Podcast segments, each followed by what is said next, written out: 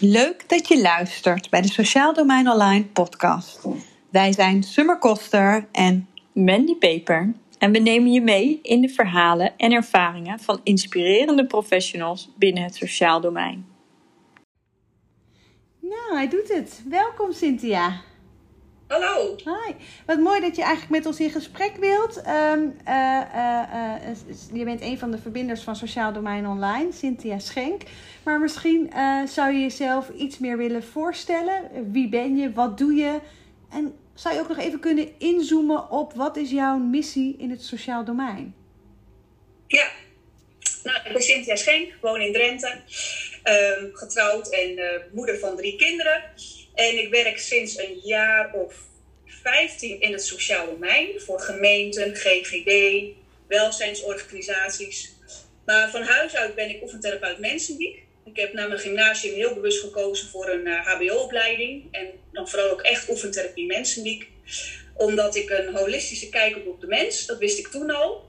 En uh, dat je als je mensen behandelt met lichamelijke klachten, dat je altijd uh, nou ja, in gesprek gaat met de mensen over hoe ervaar je die klachten en hoe wil jij met deze klachten uh, omgaan. Uh, hoe ervaar je je beperkingen. En die holistische kijk, dat je dus niet alleen de klacht behandelt, maar ook de mens achter de klacht ziet, zeg maar, die neem ik ook eigenlijk mee in het sociaal domein. Um, toen ik voor het eerst voor een gemeente kwam werken, zag ik daar aanvraagformulieren liggen op de WMO-afdeling aanvraagformulier, rolstoel, scootmobiel. Uh, en dat kon je aanvinken, of een traplift. En dan kregen mensen een toewijzing of een afwijzing. Maar de vraag die daaronder lag, wat uh, maakt dat je deze aanvraag doet? Hè, of hoe ervaar jij je beperkingen? Die vraag werd niet gesteld. Um, nou ja, dus dat heb ik eigenlijk, daar, daar verwonderde ik mij toen over. Als in 2007, zoiets, 2006, 2007. Hmm. Um, en dat is eigenlijk elke keer nog steeds waar ik in het sociaal mee bezig ben. wie is nou de mens achter de vraag? Hoe ervaart iemand zijn beperkingen? Hoe wil iemand participeren in de maatschappij? En dan is eigenlijk elk antwoord anders. dus uh, soms zeg ik wel eens, uh, als wij iedereen gelijk zouden behandelen, dan zouden we echt een ongelijke samenleving krijgen. Hmm. Nou ja, dat, um, uh, dat vind ik een hele belangrijke. Dat we echt interesse hebben in de mens. En dus ook kijken naar wat iemand wel kan, de mogelijkheden die er wel zijn.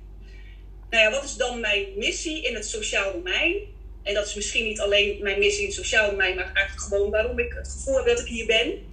Is dat eh, als we elkaar accepteren zoals we zijn, of als we onszelf accepteren zoals we zijn, uh, uh, nou, dan wordt de wereld een stuk mooier. Als we vertrouwen hebben in onszelf, creëer je automatisch vertrouwen in de ander. En dan krijgen we een veel mooiere wereld nou, dat hoop ik in het sociaal domein een steentje aan bij te dragen. Mooi. Mooi. En misschien een beetje om daar, daar nou ja, op door te gaan, want je zegt daar hoop ik een steentje aan bij te dragen. Uh, welke superkracht of welke power zet jij in vanuit jezelf om dat te kunnen doen? Ja, nou leuke vraag. Ik heb een paar jaar terug geleerd dat mijn, mijn anders zijn mijn kracht is. En uh, dat vroeger uh, had ik wel zoiets van, oeh, wat ben ik nieuwsgierig en wat ben ik enthousiast en wat ben ik, uh, hè, wat heb ik veel ideeën. Maar ik merk nu juist dat dat mijn superkracht is. Hè? Dus door nieuwsgierig te zijn, interesse te hebben in de ander, proberen zonder oordelen naar die ander te luisteren en andere mensen te inspireren in de kracht die ze zelf al hebben natuurlijk. Hè? Maar in daarin aan te moedigen, dat zijn volgens mij wel, dat zijn mijn superkrachten, zeg maar. Mooi. Dat is mijn toegevoegde waarde. Maar die nieuwsgierigheid zit misschien ook nog in het stukje dat je op zoek bent, niet naar standaard wat is er aan de hand en wat moet hier gebeuren, maar meer ook daar analyserend eigenlijk, wat heb je nodig en hoe ervaar je iets zelf? Ja, en, en, bijvoorbeeld ook waar krijg jij dan energie van? Ik zat vanochtend, ik zit onder andere, uh, schuif ik aan bij sociale teams om dit soort uh, frisse blikvragen te stellen, zeg maar. En dan merk ik dat mensen ook gewoon echt in de baan van de dag hè, en in de drukte door de vele aanvragen, dat mensen dus heel snel in producten gaan denken. Hè? Oh, dan hebben we dit product voor deze vraag. Of dit aanbod voor deze vraag. Of oplossingen. Terwijl er dus dan vaak aan de vraag voorbij wordt gegaan. Ja, maar wat heeft iemand dan daadwerkelijk nodig? Of waar krijgt iemand dan zelf energie van? Of heeft diegene daarom gevraagd?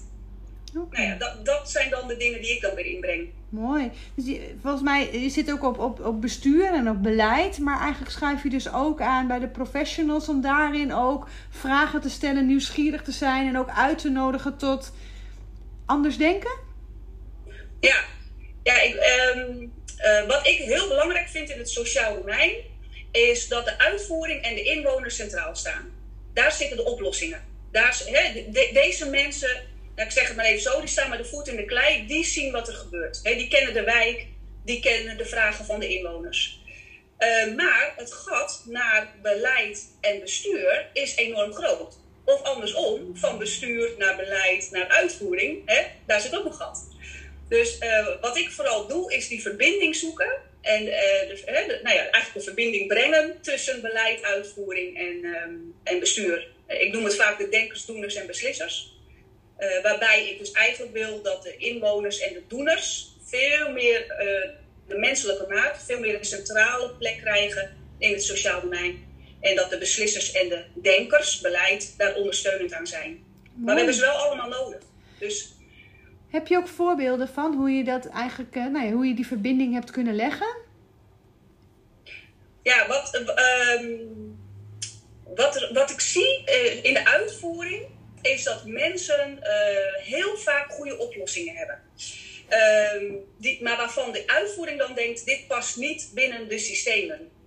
Um, nou, we hebben wel eens, ik, ik kan een heleboel voorbeelden van waarvan men dus denkt, oh, dit is geen, geen ingekocht product, hè, of deze ondersteuning past niet in het systeem. Um, waarbij dan de uitvoering aangeeft, ja, maar dit is wel heel passend.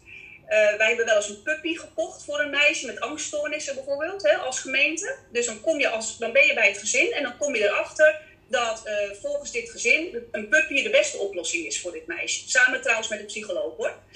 En, uh, maar dat past niet in het inkoop. Dat, hè, dat is niet ingekocht. Dus, nou, en wat je dan doet, is dan ga je, dan, als ik dat, dat soort dingen hoor in de uitvoering, dan gaan we in gesprek met beleid of met inkoop. En soms dus ook met bestuur om te kijken van nou, we willen toch vanuit de bedoeling ons werk doen. Hè, we willen het goede doen. Uh, hoe kunnen we ervoor zorgen dat dit toch geregeld wordt? Nou, dit is een heel klein voorbeeld. Uh, maar zo kom je ook veel dezelfde patronen tegen.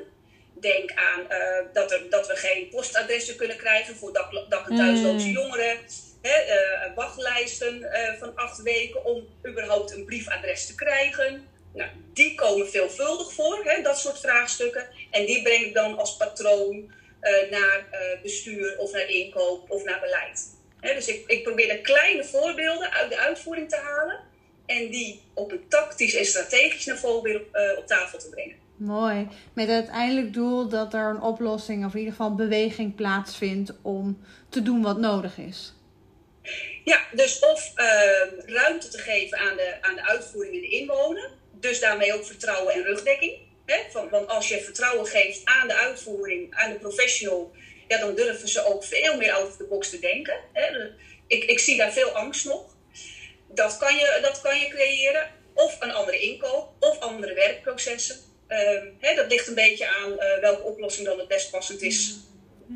Je zei net ook iets over denker, doeners en beslissers. Die drie zijn er en die heb je ook nodig.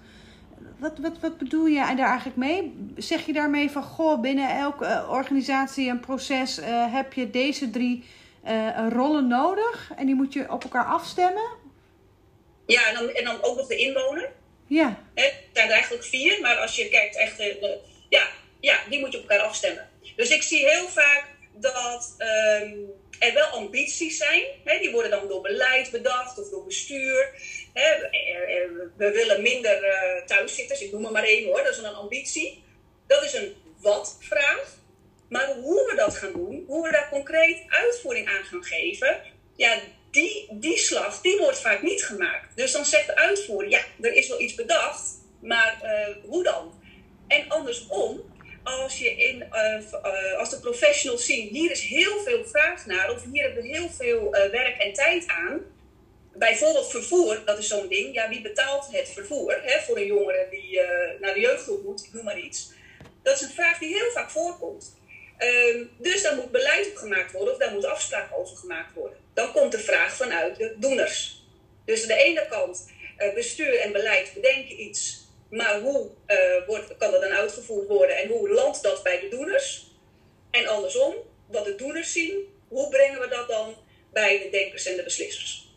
Ja klinkt ook wel wat complex. Eigenlijk dat er, dat er allerlei systemen aan het werk zijn op verschillende niveaus met de vraag van de inwoner of de, ja, om wie het gaat. Hoe zie jij dat?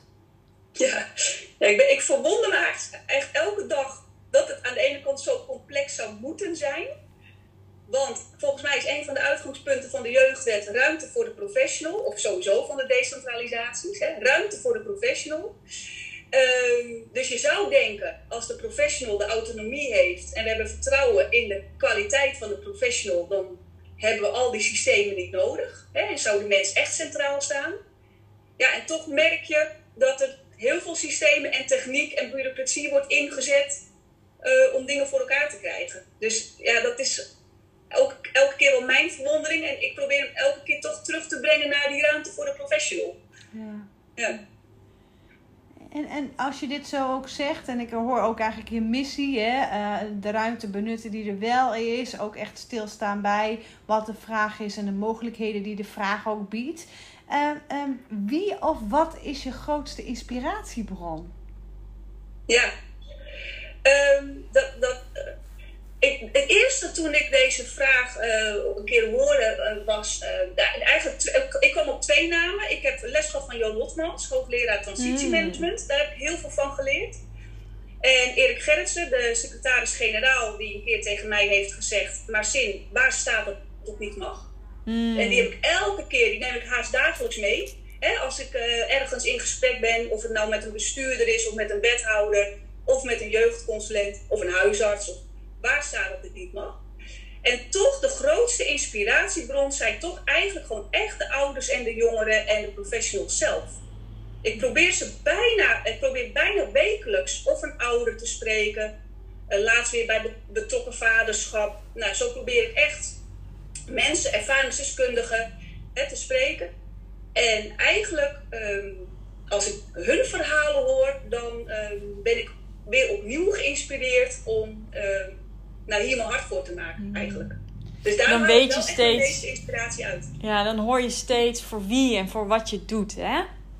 Ja, en dat wordt in mijn beleving wel te vaak vergeten. Dat we mm. zo in de techniek en de systemen beland zijn, dat we eigenlijk vergeten van ja, maar voor wie doen we dit nou eigenlijk? Ja, waar dient eh, dit toe?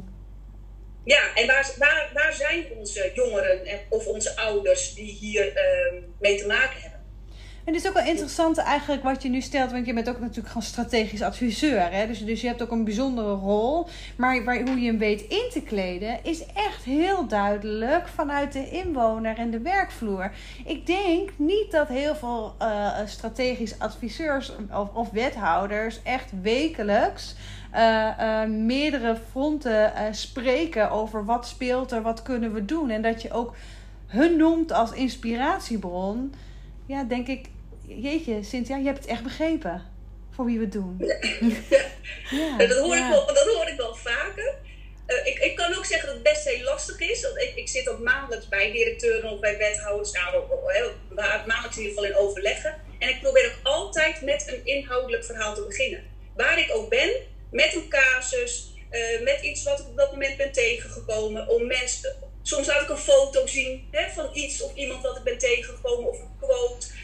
Maar um, om mensen toch ook zelf weer te inspireren of even stil te staan bij van ja. ja voor, voor deze mensen doen we het.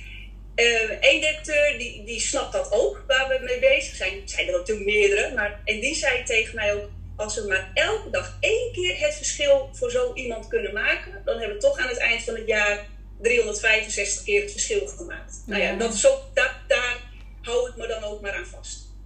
Ja mooi.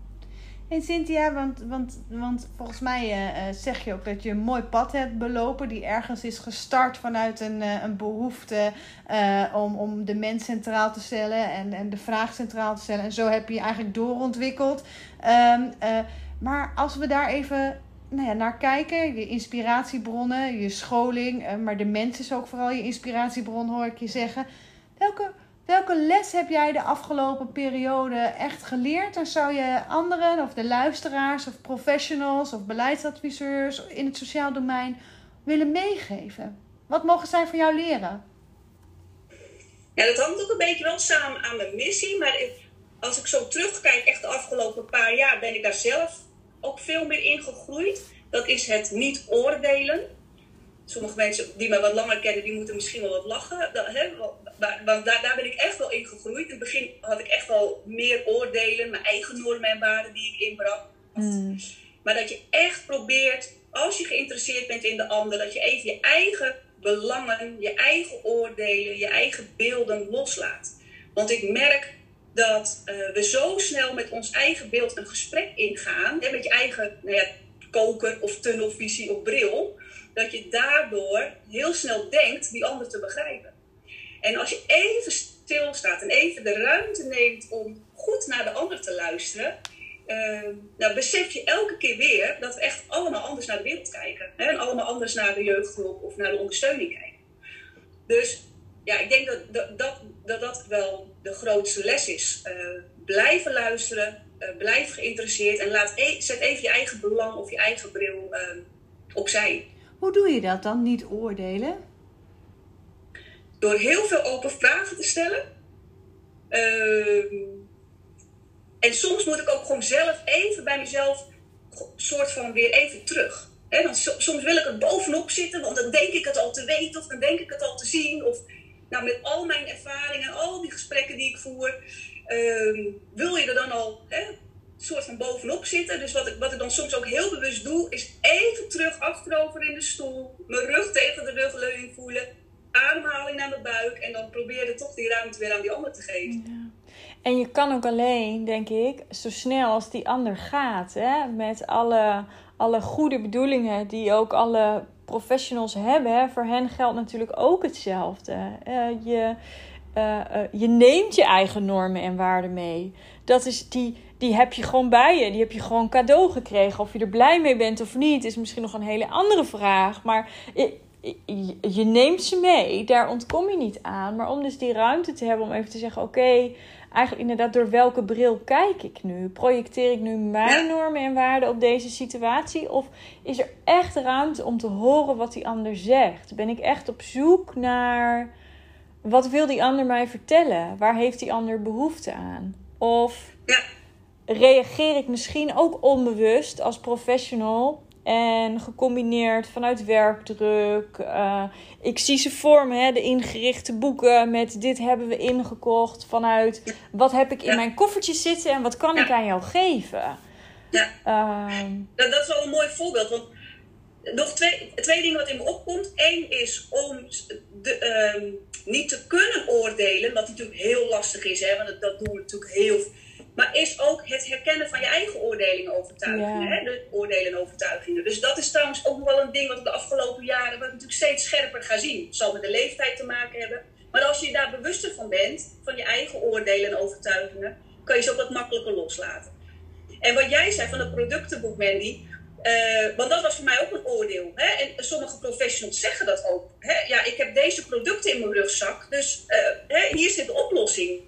Dus toen schoot ik ook eerder echt in zo'n oordeel. Van hoe kan dat nou? Hoe kan jij nou hè, vanuit een product een gesprek aangaan?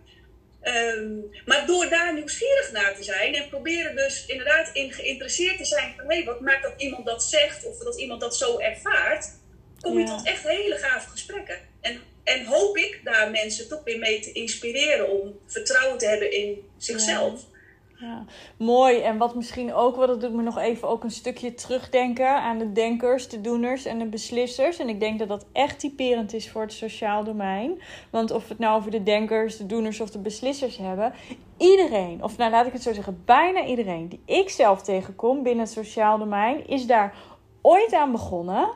Vanuit heel intrinsiek, ik wil iets betekenen voor een ander. En hoe dat dan wordt ingevuld, op welke manier. Maar dat zat er bij bijna iedereen in. En volgens mij hebben we met z'n allen iets te doen om soms weer dat vuurtje aan te steken. Ook, want ook die beleidsmedewerker die misschien wel de feeling is kwijtgeraakt met wat gebeurt er eigenlijk bij de uitvoering. Ook die is ooit vanuit vaak deze motivatie zijn, zijn vak ingerold.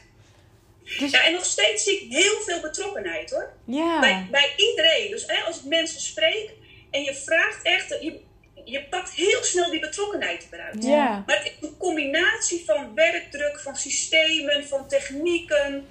Dat je daarmee soms dus, en dat herkennen we waarschijnlijk allemaal, maar zo in je dagdagelijks leven zit. Dat je je soms zo'n. eh mijn dochter heeft net een hamstertje gekregen, maar dat je zo- zo'n hamstertje in zo'n ratje voelt, weet je wel? Ja. Dat je maar cirkeltjes blijft lopen en dat je soms gewoon niet even de tijd hebt om uit het raam te kijken en, en even stil te staan bij. Is dit, ook, Afstand te nemen. is dit ook een pleidooi die jij doet voor minder oordelen in het sociaal domein? Nou, misschien is meer nog het pleidooi even stilstaan bij. De oordelen. Even stilstaan bij wat gebeurt er nu allemaal? Welke rol heb ik hierin? Ehm, wat zou ik graag willen? Want als je vanuit je eigen rol en vanuit je eigen houding en gedrag kan bekijken van hé, maar welk effect wil ik bereiken?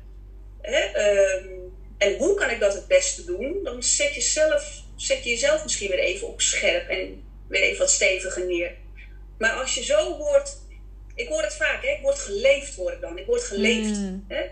Ja, dan, dan heb je gewoon die ruimte niet meer om erbij na te denken. Terwijl ik ervan overtuigd ben dat als iedereen even die stilstand weer neemt, dat ze dan wel weer terugkomen bij van, oh ja, dat, Ja. dat is wat ik graag wilde. Je vertelde net natuurlijk ook over een casus, hè, over meerdere casus en oplossingen die daarvoor zijn. Vind ik ook wel weer een mooi pleidooi voor niet oordelen, want het, het, het past misschien niet in het standaard boekje. Dus je gaat echt stilstaan bij wat heeft iemand nodig. En dat doe je dan Ja. waarschijnlijk heel blanco. Ja, ja. Ja, dus, eh, want ik denk dan bijvoorbeeld, vanochtend hadden we ook een casus eh, van een meneer. ehm, en, eh, en, die, ik, ik denk dan heel snel, ach, die meneer die, die krijgt maar één keer in de week hulp. Die, zou veel meer hulp nodig hebben. Zou die niet eenzaam zijn? Dan ga je, of dan ga je van dat soort dingen ga je dan op beelden bijhalen.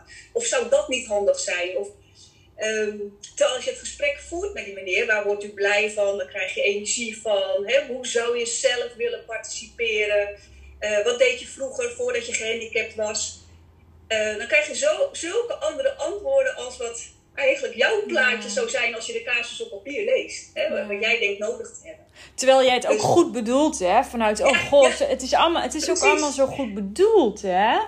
Ja. Ehm, eh, en daarmee misschien ook wel de, de, de, nou, de valkuil die er denk ik soms, soms ontstaat in... We denken te helpen, maar helpen we echt?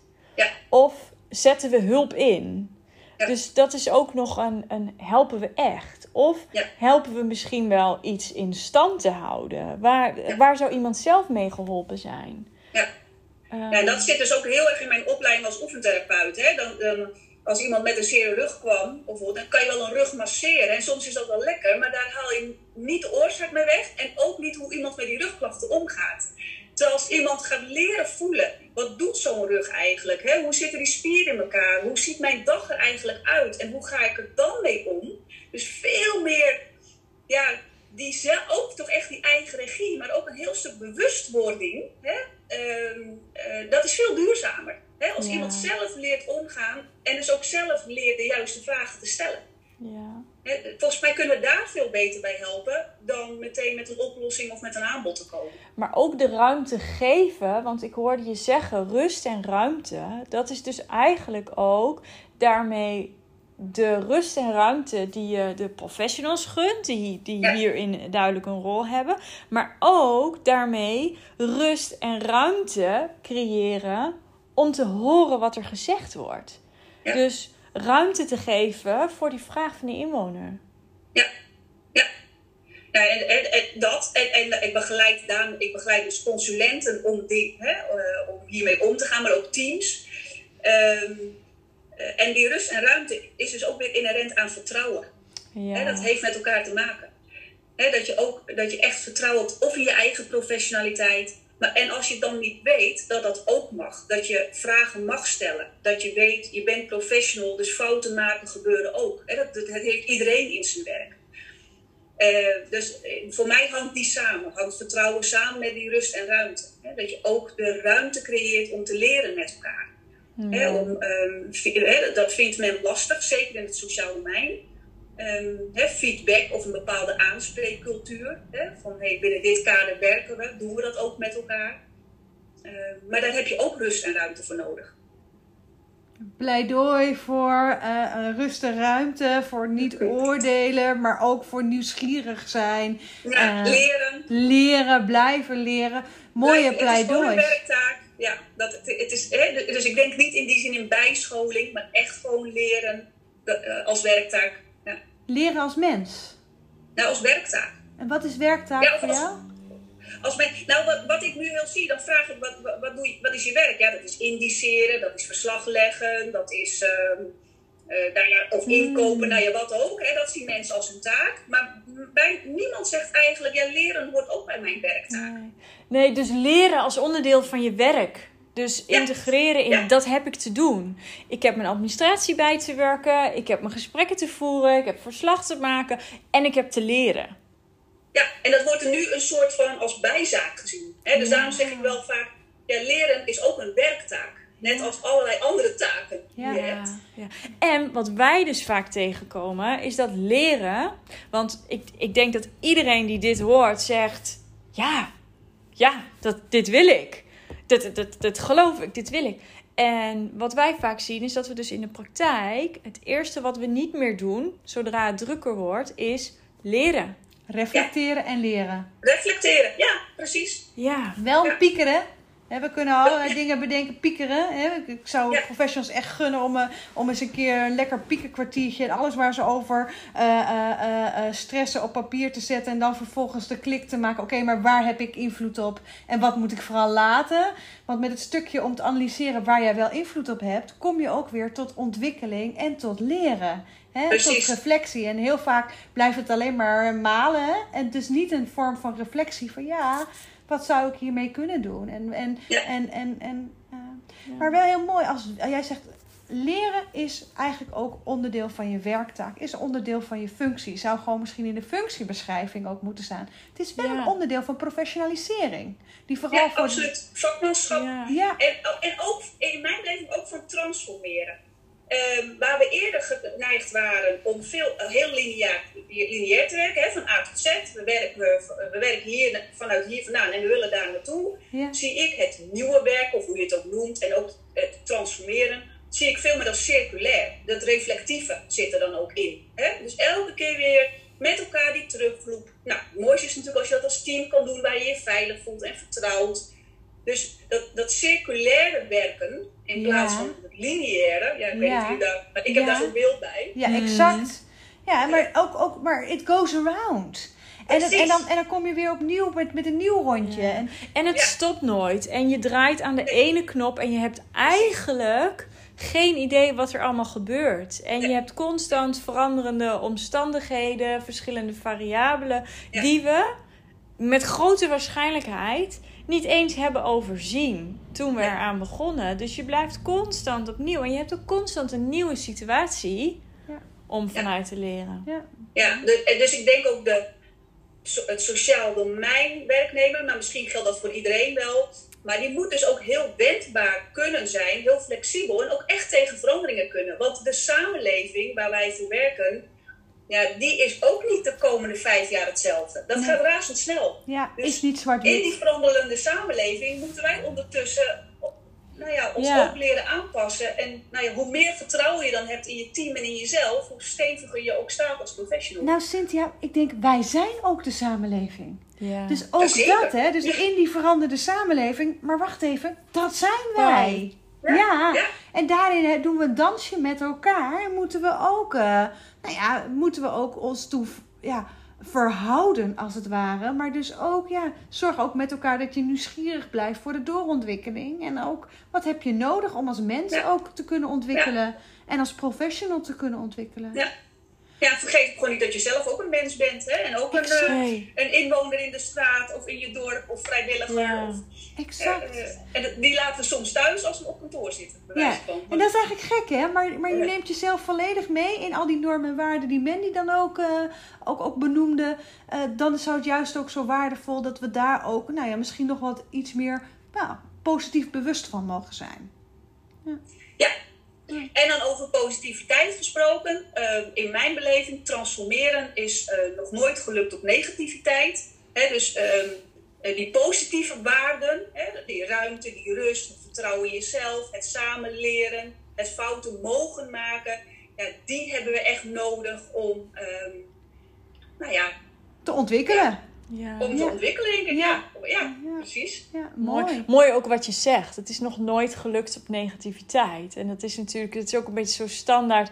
Als je doet wat je deed, dan krijg je wat je kreeg. En die kennen we allemaal. En oké, waarom, waarom doen we het dan nu niet anders? Ja, mooi. Eh, Cynthia, want, want uh, uh, waarschijnlijk, dat kop ik in, maar heb jij ook wel een boekentip voor ons? Want ik hoor heel veel hele interessante dingen en ik ben ook heel benieuwd, ja, welke, welke tip, waar haal jij ook je wijsheid vandaan? Ja, nou, ik lees heel graag en alles door elkaar. Ik moest ook wel lachen, want ik lees wel op het moment al drie of vier boeken door elkaar, hè, zo. En dan kan je natuurlijk met boeken komen over het sociaal domein. Hè. Er zijn de laatste tijd ook weer een aantal boeken langs uitgegeven. Uh, maar wat eigenlijk wat mij al, uh, onze zoon is 22, dus wat mij al 22 jaar inspireert is de kracht van het nu. Die pak ik gewoon mm. eens in zoveel tijd bij van Eckhart Tolle. Uh, in het nu gebeurt alles. En ehm, als je dat beseft, dan eh, voel je alweer, als we dan toch een beetje op die rust en ruimte komen, dan voel je al wel weer even van, nou hoe noem je dat? Het, relativeert, denk ik. Ik denk dat dat het is. dus mm. af en toe pak ik het boek, sla ik het ergens open op een bepaalde bladzijde. En dan uh, brengt het me even weer terug bij mezelf en bij mijn bewustzijn. En nou ja, ook wel weer, waar doe ik het eigenlijk ook alweer voor? En een ander boek, uh, Ik durf te leiden, van Brene Brown. Het gaat mm. heel erg over uh, kwetsbaarheid. Maar ook daarin wel gewoon heel duidelijk beschreven van um, het niet oordelen. Ehm, de wereld, hè, eh, iedereen in de wereld ziet de, de dingen toch anders. Iedereen heeft een ander perspectief. En uh, dat werpt je toch ook gewoon terug op jezelf. Begin maar bij jezelf. En een transformatie begint ook bij jezelf. Mooi. Dus uh, dat zijn de, denk ik, twee boeken die ik graag mee zou willen geven. Ja, waardevol. Um, uh, uh, als we dan ook allemaal belezen hebben, we zijn iets meer bewust van uh, nou ja, de kracht van niet oordelen en hoe we daar ook toe moeten komen, ehm, dan komen we eigenlijk ook alweer naar het einde van deze podcast. Dus de laatste vraag. En we hopen ook dat jij hem zou willen afmaken, als het ware. Want de vraag die we zouden willen stellen is: als ik de baas zou zijn van het dan zou ik. Ja. En wij refereren natuurlijk aan het liedje van Kinderen voor Kinderen. Ik weet niet in welk jaar het is uitgebracht, maar voor mij was dat echt. Ik, ik was van die tijd, dat, dus dat was denk ik mijn Kinderen voor Kinderen tijd. En daarin zegt ze natuurlijk: Als ik de baas zou zijn van het journaal, dan werd meteen het nieuws een heel stuk positiever. En, uh, dus nou ja, goed. Dus we zijn benieuwd naar wat. Nou, wat zou jouw move zijn? Het mag het journaal zijn, het mag het sociaal domein zijn. Maar als jij de baas zou zijn, wat zou je dan doen? Wat zou je meegeven? Ehm, nou, zeker dat positieve. Succesverhalen. Hè, daar waar, als we het toch even koppelen aan het sociaal domein. Maar ja, ehm, ehm, hoe kunnen we laten zien dat mensen vanuit vertrouwen lef hebben kunnen tonen? Hè? Dus echt vanuit de bedoeling, vanuit het goede. Uh, nou, de beste ondersteuning hebben kunnen bieden voor onze inwoners of voor de inwoners. En dat veel meer laten zien. Ehm, om daarmee op anderen te inspireren van hé, hey, het kan, het mag, er is ruimte. Hè? Binnen de wetgeving kan het allemaal. Nou, als die het kan, nou, dan kan ik het ook. Dus veel meer um, nou ja, door uh, succesverhalen te laten zien, door uh, waar ben je trots op hè, uh, te laten zien, anderen ook te inspireren dat het mag heel veel mensen denken, het mag niet of het kan niet. Nou, maar dat kan echt heel veel. Hè? Maar, maar um, je moet soms ook gevoed worden. Ja. Uh, nou, zelf, zelf, doen we dat natuurlijk ook wel een beetje. En ik doe het ook altijd in mijn team. Beginnen we ook altijd het overleg van, hè, waar ben je trots op? En, en dan ben je ook soms echt heel verbaasd over uh, nou ja, wat er eigenlijk allemaal gebeurt. Hè, waar je trots op uh, kan en mag zijn. Dus dat zou ik in het, uh, zeker in het journaal willen laten zien. En um, Ehm, ik denk ook vol dat verhaal. Ik heb de laatste tijdje terug de film Gandhi gezien op Netflix. Maar hè, dat soort voorbeelden, dat je zo'n film dan uitklikt na drie uur, hij duurde ook echt drie uur, maar dat je ook echt zoiets hebt van, voel, ik krijg er zin in. Ik ben geïnspireerd en gevoed om hè, ook mijn kop boven het maaiveld uit te steken. Want die wordt er niet afgehakt, naar zoiets. Mm. Dus dat zou ik wel graag eh, in het journaal terug willen zien. Mooi. Ja. Mooi. Dankjewel. Dankjewel voor dit mooie pleidooi en alle mooie dingen die je eigenlijk zegt en die je ook aan het transformeren bent. Want je bent volgens mij op heel veel fronten bezig om beweging te creëren vanuit een positieve inslag en ook een reflectieve inslag. Ja. Ehm, eh, eh, en ik hoor ook eh, ja, de missie die daarin nou ja, naar voren komt. Is er nog iets wat je graag zou willen teruggeven of wat je de luisteraar nog wilt meegeven? Dat zo. Nee, kijk, ik denk dat wat er denk ik heel erg uitkomt, heb vertrouwen in jezelf. Sta even stil bij jezelf. Heb, ehm, want, iedereen, iedereen, of ook als je om hulp vraagt, iedereen heeft een kracht, een potentie. Ik noem het vaak een sociaal kapitaal. Hmm. En die kunnen we volgens mij veel beter nog benutten en inzetten. En eh, daarmee creëren we die samenredzaamheid Ja. ehm, met elkaar. En ehm, ja, dus, dus eh, be- besef je dat je van toegevoegde waarde bent. Dat wil ik denk ik meegeven. Dat is misschien Ja. wel. Je, je bent van toegevoegde waarde. Ja. Punt. Ja. Mooi. Punt. Ja, Heel mooi. Dankjewel, Cynthia. graag gedaan. Dankjewel. We hopen je geïnspireerd te hebben. Wil je meedenken, meepraten of meer informatie? Volg ons op social media of ga naar sociaaldomeinonline.nl.